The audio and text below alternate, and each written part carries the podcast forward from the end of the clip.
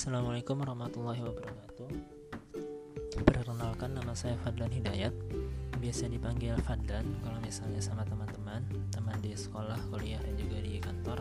Sementara kalau misalnya di rumah, di keluarga biasa dipanggil Alan. Nah jadi untuk uh, perkenalan lebih detailnya nanti di sesi uh, deep introductionnya aja. Di sini mau ceritain beberapa hal yang cukup terkenang sebenarnya di kehidupan yang cukup mengubah juga sih bisa dibilang.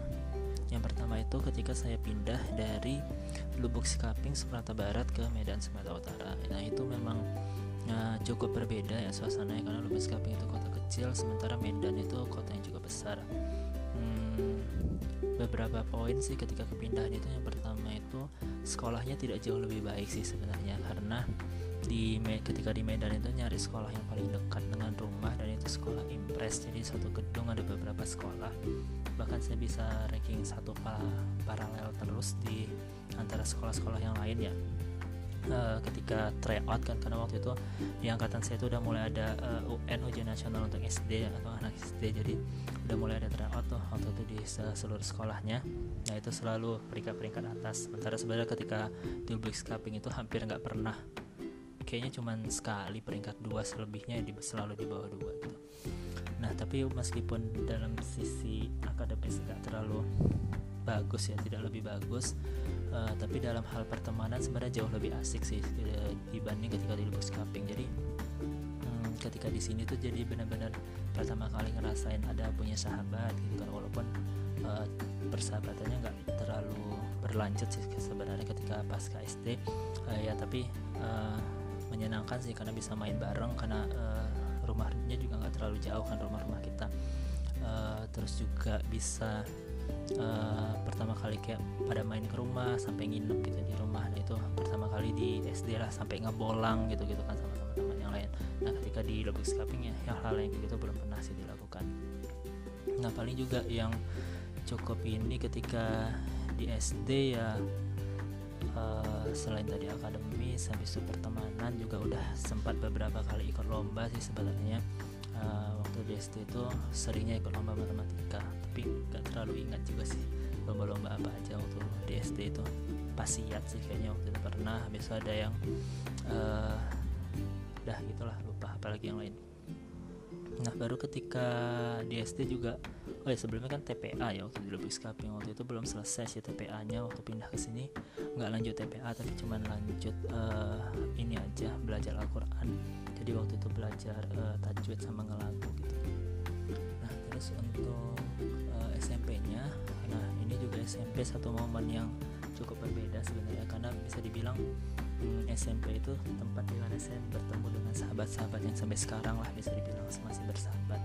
Nanti uh, di SMA kita juga SMA bareng rata-rata. Nah SMP itu saya masuk di SMP Negeri 3 Medan namanya. Eh, nggak uh, jauh juga dari rumah. Dulu juga kakak uh, sekolah di situ juga. Adik juga setelah saya juga sekolah di situ juga. Nah di SMP ini uh, ranking saya itu tidak semengagumkan di SD sih sebenarnya dalam hasil akademis. Karena nggak pernah peringkat satu dua juga nggak pernah peringkat tiga nggak tahu sih bahkan nggak kayak nggak peduli gitu sih peringkat berapa. E, jarang masuk tiga besar. E, kelasnya sih waktu itu kelas unggulan gitu sih memang dibagi ada kelas unggulan nah cuman yang yang apa ya yang e, cukup anehnya mungkin bisa bilang aneh atau nggak tahu sih aneh atau nggak. Nah meskipun e, di kelas yang nggak pernah ranking tapi bisa dibilang teman-teman itu sering uh, apa ya minta belajar bareng dan se sebagainya itu ke saya dan juga uh, eh, SMP itu fase di mana uh, sering banget ikut Olimpiade Fisika gitu. Walaupun uh, yang paling uh, ini sih yang paling jauh waktu itu cuma sampai tingkat provinsi ya di uh, provinsi sampai tingkat provinsi waktu di Sumatera Utara habis itu nggak bisa lolos ke nasional. Tapi cukup sering sih waktu itu ke lombanya. Nah sementara yang peringkat-peringkat uh, lain itu peringkat-peringkat yang lebih tinggi itu sebenarnya jarang ikut lomba-lomba kayak gitu sih sebenarnya. Nah uh, memang uh, ketika SMP itu bisa dibilang apa ya hmm, guru-gurunya itu kan kebanyakan nonis kan dan memang uh, di sekolah juga ada beberapa yang nonis sih rata-rata yang peringkat-peringkatnya di atas. Jadi nggak tahu sih mau suzon atau enggak tapi ya uh, memang agak nggak adil sih bisa dibilang ketika uh, di SMP nah terus aktivitas yang cukup berbeda juga ketika SMP itu aktivitas-aktivitas seni sebenarnya. Jadi ketika kelas 2 sama kelas 3 SMP itu sering banget ada penugasan bikin drama sering banget ada penugasan bi uh, nari tari kelompok habis itu bi uh, bikin lagu sendiri habis itu uh, nyanyi uh, bareng kelompok. Sampai saya pernah ikut paduan suara waktu itu uh, ketika SMP menang harapan harapan berapa gitu waktu juara harapan paduan suara dari SMP saya ikut waktu itu. Ya jadi emang e, bisa dibilang SMP itu masa-masa e, di mana banyak mengeksplor sih banyak ikut aktivitas-aktivitas e, apa ya aktivitas-aktivitas non akademis yang e, kayak lomba-lomba olimpiade ataupun ataupun lomba-lomba yang lain ya yang ya, ataupun aktivitas-aktivitas lain yang berbau seni. Nah, itu ketika SMP sih banyaknya. Juga SMP biasalah pertemanan itu mulai waktu itu kan zaman zaman game online warnet dan sebagainya itu kan SMP uh, eh, terus juga ketika SMP sih waktu itu nggak ikut organisasi sama sekali ya walaupun sebenarnya SMP udah ada pramuka sama osis eh pas kibra ya masalah itu. Tapi nggak nggak ikutnya kayak gitu uh, gituan sih ketika SMP nah uh, baru ketika SMA nah itu SMA nya tuh uh, dekat banget sama SMP jadi emang SMA itu kayaknya dari uh, SMP-nya uh, SMP-nya kami gitu SMP Negeri 3 namanya SMA Negeri 5 nah juga termasuk sahabat-sahabat tadi yang ada di SMP itu pada pindah sebanyak ke SMA 5 nah di SMA 5 ini pertama kali waktu itu ikut rohis ikut organisasi habis waktu itu milihnya rohis uh, karena ngikut kakak juga sih sebenarnya awalnya waktu itu. Tapi uh, karena nggak mau sendirian waktu itu di Rohis jadi uh, ngajak-ngajakin juga gitu sahabat-sahabatnya waktu itu di SMP ikutan-ikutan bareng ya terakhir mereka ikutan dan uh, terakhir di Rohis itu benar-benar dari tingkat uh, awal ya waktu dari staff habis jadi uh, divisi dan sebagainya sih di SMP jadi memang ketika di SMP itu momen yang paling bertenang itu ya momen organisasi sebenarnya. Setelah tadi waktu SD itu yang paling terkenangnya persahabatan main-main habis itu akademisi sekolah habis itu waktu di SMP itu banyak uh, lomba-lomba keluar gitu. Yang yang paling ini yang paling terkenal. Nah ketika SMA itu yang paling terkenal sebenarnya masa-masa organisasi sih. Jadi bisa bilang uh, dan organisasinya itu juga unik. Nah uh, di SMA negeri 5 itu nggak jauh lebih parah ya tidak tidak jauh lebih baik dibandingkan SMP 3 kalau misalnya SMP 3 tadi uh, saya ngerasa ada ketidakadilan dalam hal uh, nilai-nilai gitu kan nilai-nilai akademis gitu kan. Nah di SMA 5 ini justru antara yang Islam dengan yang nonisnya itu benar-benar ada kesenjangan sampai pernah berantem dan sebagainya itu. Itu sampai terjadi gitu di sekolah. Waktu itu melihat uh, guru pukul-pukulan gitu berantem nah itu juga terjadi.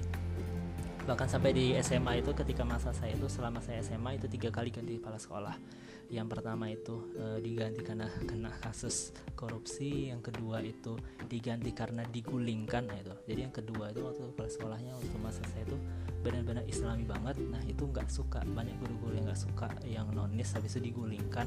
Karena dia juga ngeganti beberapa wakil kepala sekolah yang nonis itu diganti habis itu malah digulingkan. Habis itu eh, kepala sekolah ketiga itu memang guru yang lama di situ waktu itu nonis. Bahkan sampai sekarang juga masih beliau gitu masih itu yang jadi kepala sekolah di sana. Nah jadi emang uh, rohis bisa dibilang rohis di SMA itu nggak nggak berjalan mulus sih. Jadi uh, saya ngerasain berorganisasi rohis yang penuh dengan apa ya penuh dengan tantangan lah bisa dibilang. Bahkan uh, saking menantangnya itu di kubu rohisnya sendiri itu bisa terbagi dalam dua kubu itu ada orang-orang yang soalnya kan ketua rohisnya tuh uh, walaupun banyak halangan ya bikin ini nggak boleh itu nggak boleh gitu kan izinnya susah dia tetap ngadain aja gitu kan kadang diam-diam gitu kan kadang nggak nggak usah minta izin ke sekolah gitu kan ngadain. Nah dan itu sering dimarahin gitu sama pembinanya juga bahkan sama pembina rohnya sering dimarahin gitu kan. Nah orang-orang yang nggak kuat itu biasanya kayak uh, kadang kesel juga gitu kan udahlah gitu kan uh, kenapa sih harus gini nah, cuman uh, sebagian lagi ya tetap ya masa kita nggak nggak ngapa-ngapain gitu kan selama, selama uh, mengurus rohis waktu itu. Nah makanya sampai ada orang-orang yang kayak uh, ngerasa ya udah kita terlalu berlebihan lah dalam tanda kutip waktu itu untuk uh, berusaha untuk terus mengadakan aktivitas itu. Karena memang tantangannya cukup luar biasa sih. Uh, termasuk juga alumni. Alumni itu salah satu yang sering dihalang-halangi sih buat masuk ke SMA jadi benar-benar intrik apa ya intrik-intrik politiknya itu udah udah berasa sih bahkan sejak sejak SMA jadi ketika masuk kampus UI habis itu banyak perseteruan uh, ini ini kan habis itu apalagi kalau zaman-zaman pemira gitu kan biasa ada uh, ada konflik-konflik panas dan sebagainya. Sebenarnya hal-hal itu udah udah kayak biasa sih waktu itu ngalamin ketika di SMA nah terus di SMA juga uh, tetap ikut lomba sih sebenarnya walaupun uh, lombanya dalam bentuk kelompok. Uh, waktu itu sempat ke Surabaya jadinya karena lomba di ITS kemudian sempat ke Bandung karena lomba di ITB waktu itu pertama kalinya naik pesawat sih waktu itu ke Surabaya habis itu uh, yang kedua kalinya waktu ke Bandung pertama kali keluar Jawa juga. Itu baru uh, setelah tiga masa itu yang cukup uh, terkenang juga itu ketika memilih jurusan gitu waktu itu milih. Sebenarnya sejak awal itu saya sudah berminat masuk ke uh, ilmu kom eh bukan ilmu komputer waktu teknik informatika ITB waktu itu. Sebenarnya nggak harus ITB sih terserah cuman uh, udah pengen banget teknik informatika semenjak masih kelas 7 SMA nah uh, alasannya sih waktu itu gara-gara nonton Tri Idiot habis itu uh, dia kan bikin uh, asrama gitu kan uh, untuk anak-anak tapi dia elektro harus lemah. Habis itu saya uh, gimana cerita lah habis setelah dapat berbagai info habis kepikiran bahwasanya programming itu sesuatu yang keren. Kayaknya nanti di masa depan itu bakal makin keren. Dan waktu itu kepikiran ya pengen bikin uh, tempat yang sama gitu tempat anak-anak buat belajar yang sama tapi bukan untuk elektro harus lemah tapi untuk uh, informatika gitu untuk programming. Nah cuman uh, pilihan ini waktu itu agak susah untuk direalisasikan karena uh, orang tua itu nggak terlalu paham teknik informatika gitu kan. Apalagi ilmu komputer gitu kan. Ini saya ilmu komputer kan. Ilmu komputer itu sebenarnya nggak uh, jauh beda sih dengan teknik informatika. Cuman kan kan orang dengar ilmu komputer terus kayak ngapain tuh belajar komputer doang? gitu kan. Kan ada kayak gitulah bisa dibilang waktu itu. Nah jadi waktu SM eh waktu SNMPTN daftarnya teknik. Teknik-teknik uh, semua lah. Uh, satu di ITB habis itu dua di USU kalau nggak salah. Nah habis itu nggak ada yang lulus SNMPTN habis itu SBMPTN juga daftar teknik-teknik lagi. Uh, lulus waktu itu di teknik yang di USU bahkan saya lupa teknik sipil atau teknik elektro waktu itu yang lulus. Nah waktu itu uh, uh, waktu pendaftaran SIMAK dengan SBMPTN itu kan bisa dibilang samaan ya kayak daftar duluan baru mereka ujian gitu kan. Nah waktu itu karena kondisinya SNM nggak lulus habis itu SBM belum tahu kan karena belum ujian habis waktu itu ikut stand juga ya lolos uh, tahap pertama sih habis nggak lanjutin lagi. Nah waktu disimak ini hmm, pilihan pertamanya itu ya saya lulusnya itu pilihan kedua ilmu komputer. Jadi pilihan pertamanya itu pilihannya kalau misalnya dibilang ke orang-orang itu nggak percaya kok bisa justru lulus di pilihan kedua sih bukan pertama. Nah pilihan pertama itu teknik metalurgi. Tapi nggak tahu sih kalau sekarang mana yang lebih bagus. Cuman di masa-masa saya itu itu harusnya lebih susah masuk ilmu komputer daripada teknik metalurgi dan semuanya reguler ya. Saya pilihnya uh, pilihan pertama metalurgi reguler pilihan kedua ilmu, komputer reguler dan ketiganya sistem informasi reguler. Tapi ternyata kedurullahnya waktu disimak malah lulusnya ke pilihan kedua gitu ilmu komputer. Nah waktu itu kan pengumuman SBMPTN dulu pertama baru habis itu pengumuman uh, uh, pengumuman simak dulu ya bu salah baru setelah itu pengumuman start. Nah waktu pengumuman simak ini hmm, awalnya tua nggak langsung setuju gitu untuk saya nerima untuk ngambil yang di UI gitu kan ya di uh, ilmu komputer UI waktu itu prosesnya sampai harus uh, mikir orang tua harus mikir sampai uh, 24 jam ya ingat banget pengumuman sore habis itu besok sore ketika ayah pulang dari kantor baru ayah oke okay, ya udah uh, tinggalin aja yang di uh, USU habis itu ambil yang di UI gitu ilmu komputer. Itu setelah nelpon sana sini nanya sana sini gitu kan. Nggak tahu sih uh, ayah nanyain apa aja gitu itu juga uh, waktu itu masih uh, berusaha untuk diminta standnya dilanjutin sih waktu itu. Walaupun terakhir karena udah ke Depok habis itu beralasan waktu itu susah untuk balik-balik lagi dan sebagai terakhir standnya nggak dilanjutin.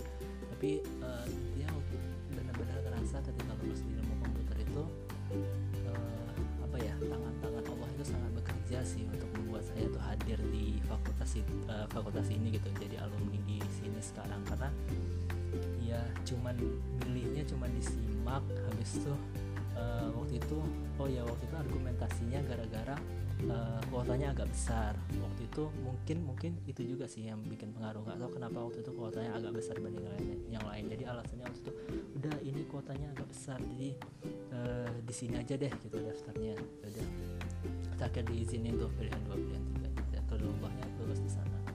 Nah terus juga ketika momen berikutnya yang juga uh, cukup terkenang itu ketika masuk uh, udah sampai di UI nya tuh. Waktu itu daftar ulang kan.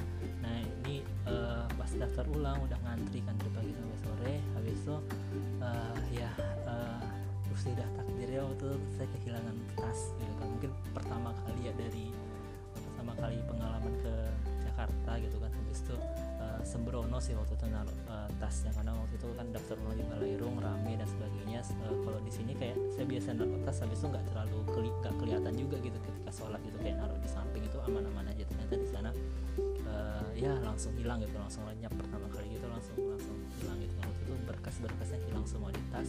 Sedih sih kayak pikir nih gue jadi nggak sih gitu kan. Tapi terakhir uh, pas begitu hilang lapor habis itu diajak uh, masuk ke dalam ketemu sama Pak siapa waktu itu yang kepalanya hmm, pendaftaran ulangnya lupa habis itu disuruh datang lagi ketika uh, daftar ulang S2 itu nggak salah lima hari setelah itu. Itu berkas dikirimin semuanya dari uh, Medan ke uh, Jakarta lagi gitu dikirim ulang semua berkasnya itu benar-benar antara sedih panik dan sebagainya sih. Dan waktu itu untungnya udah dapat uh, kelompok OKK kan udah dapat kelompok OKK uh, udah kenal-kenalan di line. Habis itu setelah pasca daftar ulang tuh pengen ketemu gitu. Dan setelah itu setelah kejadian hilang tuh bisa ketemu sama mereka dibantu mereka untuk ngurus surat kehilangan ke Polsek Depok waktu itu. Uh, jadi ya untungnya sih mereka baik-baik sih waktu itu. Dan beberapa teman OKK itu jadi teman sampai sampai terakhir kuliah juga sih. Ada anak-anak MIPA ada Heri ada Ismail. Nah terus hmm, momen lagi yang nggak terlupakan lagi. Jadi waktu itu waktu kehilangan tas itu kehilangannya bukan cuma berkas ya tapi ada laptop. Atau kenapa aku bawa laptop sih waktu itu. Jadi laptopnya sekalian hilang. Terus jadinya uh, hampir setengah semester itu nggak punya laptop karena agak susah ya dapetin laptop lagi jauh. Ketika hilang habis sampai setengah semester nggak ada laptop. Jadi setiap ngoding itu selalu ke lab jadi ada Fasilkom baru pertama kali ngoding karena sebelumnya nggak pernah dan setiap ngoding harus ke lab ya perjuangan sih ya tapi kalau diingat sekarang ya jadinya uh, jadi uh, apa ya kenangan-kenangan manis sih bisa dibilang. Kemudian ketika semester 2 juga ada kejadian lagi itu uh, saya cacar waktu itu jadi belum pernah cacar.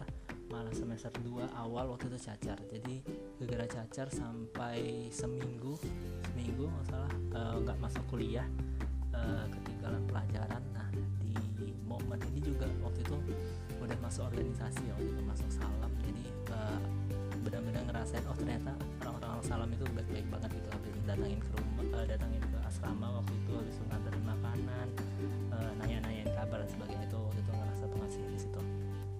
Ya cacar uh, ketika udah semester 2 kuliah. Nah kemudian uh, momen selanjutnya yang cukup berkesan itu di kuliah itu ketika masuk ke rumah peradaban. Nah ini kayak beasiswa berasrama gitu selama 2 tahun mulai dari semester 2 sampai eh kok semester 2 mulai dari semester 5 5 6 7 8 ya semester 5 sampai semester 8 nah itu benar-benar ngerasain pembinaan yang luar biasa sih. Jadi aktivitas jadi benar-benar super sibuk waktu itu. Bisa dibilang juga kuliah keteteran. Bahkan sempat sampai berpikir untuk keluar dari uh, asrama waktu itu setelah setahun karena sangat-sangat keteterannya tapi ya bisa dibilang uh, berada di rumah peradaban itu uh, cukup mengubah ini sih cukup mengubah cara pandang gitu cukup mengubah paradigma gitu cukup merubah kebiasaan waktu itu.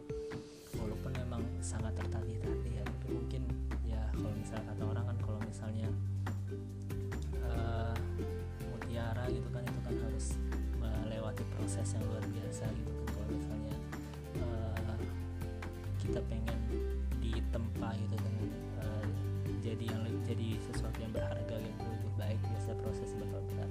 Nah itu ngerasain banget sih waktu di rumah berhadapan nah eh, salah satu momen yang uh, cukup luar biasa sih waktu itu uh, ketika ditugaskan untuk uh, life changing experience nama agendanya jadi uh, kita disuruh keluar negeri ke tempat yang minoritas muslim ya. Jadi kalau misalnya keluar negerinya ke Malaysia gitu nggak boleh keluar negerinya ke mana gitu ke Arab Saudi ya Saudi waktu itu nggak muslim boleh pokoknya uh, yang minoritas muslim ke luar negeri sendirian nggak boleh dalam rangka lomba atau misalnya dalam rangka delegasi dan sebagainya. Jadi benar-benar sendirian uh, susun uh, rencana perjalanan sendirian cari dananya juga sendiri. Jadi harus uh, cari modal sendiri. Sebenarnya boleh uh, cari modal dari sponsor misalnya gitu kan kalau ada yang mau sponsori. Tapi itu bukan dalam rangka lomba atau misal conference dan sebagainya jadi waktu itu benar-benar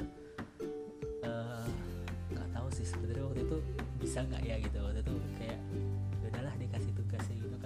coba ngerencanain dan sebagainya habis itu juga coba uh, waktu itu juga di seribu semester enam kan harus KP gitu kan harus magang terus ya udah uh, uh, habis itu dapat uang juga sebagian dari KP nah dan alhamdulillah akhirnya waktu itu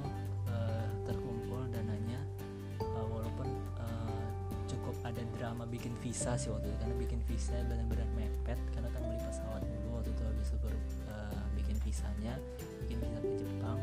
Alhamdulillah sih waktu itu visanya langsung uh, bisa keluar waktu itu. Kalau nggak keluar sih waktu itu tiket atau sih tiket pesawatnya bakal hangus jadi benar-benar mepet hamin seminggu waktu itu baru ngurus. Dan itu ada tanggal-tanggal merah waktu mengurus visa waktu itu. Nah itu waktu itu uh, menjadi pengalaman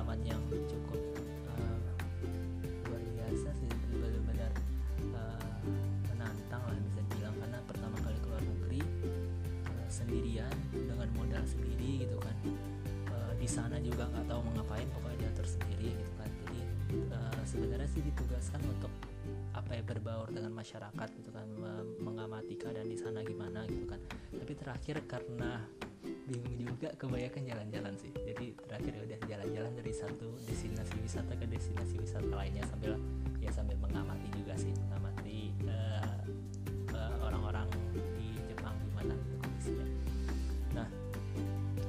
sebenarnya ini acara uh, kegiatannya juga dijadiin lomba sih waktu itu. Jadi yang uh, yang terbaik waktu itu presentasinya. Setelah itu ada presentasi itu dapat uh, uang 10 juta sebenarnya. Jadi sebenarnya bisa dibilang kalau misalnya menang waktu itu uh, balik modal sih bisa dibilang. Tapi sayangnya karena tidak seluar biasa sebenarnya ya karena ada teman-teman lain yang lebih luar biasa luar negerinya. Jadi ada satu anak yang dia ke delapan negara 9 kota Eropa. Ya waktu itu benar-benar terkeliling Eropa sendirian. Uh, dia nggak tahu dia habis berapa puluh juta nggak tahu ratusan juta atau enggak dan modalnya waktu itu dari hasil uh, trading Bitcoin. Ya, itulah uh, nggak tahu dia bisa dibilang uh, beruntung banget atau gimana waktu itu. Orangnya memang pinter sih saya bilang memang pinter dan uh, waktu itu dia bisa dapat modalnya pas lah bisa dibilang itu waktunya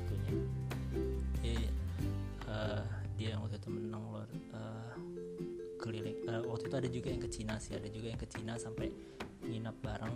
Itu kan uh, sampai ngerasain di mana masak bareng sama orang-orang Chinese dan sebagainya gitu uh, aku lupa waktu itu yang menang yang ini atau yang ke Eropa.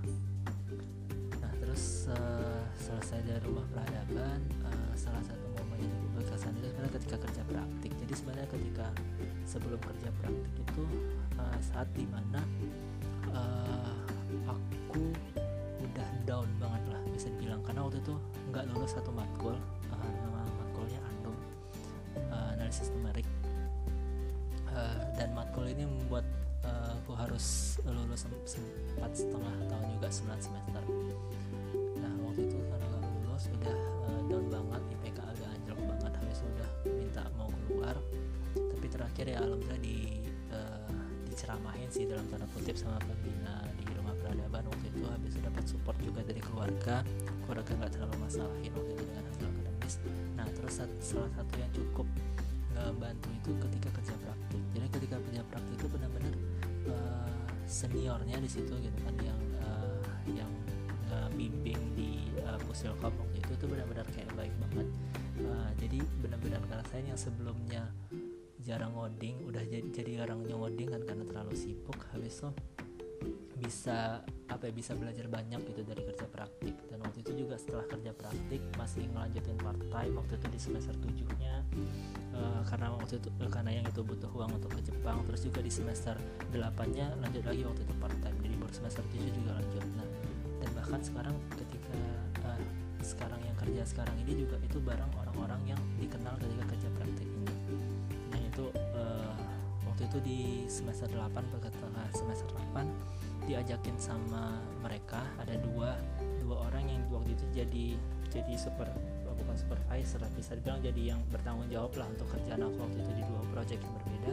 Dan mereka berdua keluar dari Pusilkom untuk bikin satu startup uh, waktu itu. Dan uh, aku sama ada satu teman lagi itu menjadi dua employee yang pertama kali direkrut lah bisa walaupun yang perusahaannya itu ternyata uh, umurnya uh, cuma satu tahun terakhir nggak bisa lanjut lagi karena itu di uh, bidang cryptocurrency waktu itu. Nggak uh, bisa lanjut karena uh, terhalang izin. Ya, izinnya itu harus punya aset uh, berapa terakhir itu harus punya aset 50 miliar kalau nggak salah. Yang terakhir yang udah setelah direvisi dan itu kita nggak punya asetnya jadi harus selesai dari sana uh, cuma setahun terus kita bikin uh, perusahaan lagi pasca itu sendiri. Nah itu yang jadi uh, tempat kerja sekarang. Jadi ada satu software house diriin bareng sama mereka sama beberapa uh, teman yang lain juga sama satu lagi ada di perusahaan equity crowdfunding jadi kerja praktik itu waktu itu kayak uh, bisa dibilang momen awal aku bisa ada di tempat kerja sekarang sih bisa dibilang kayak gitu.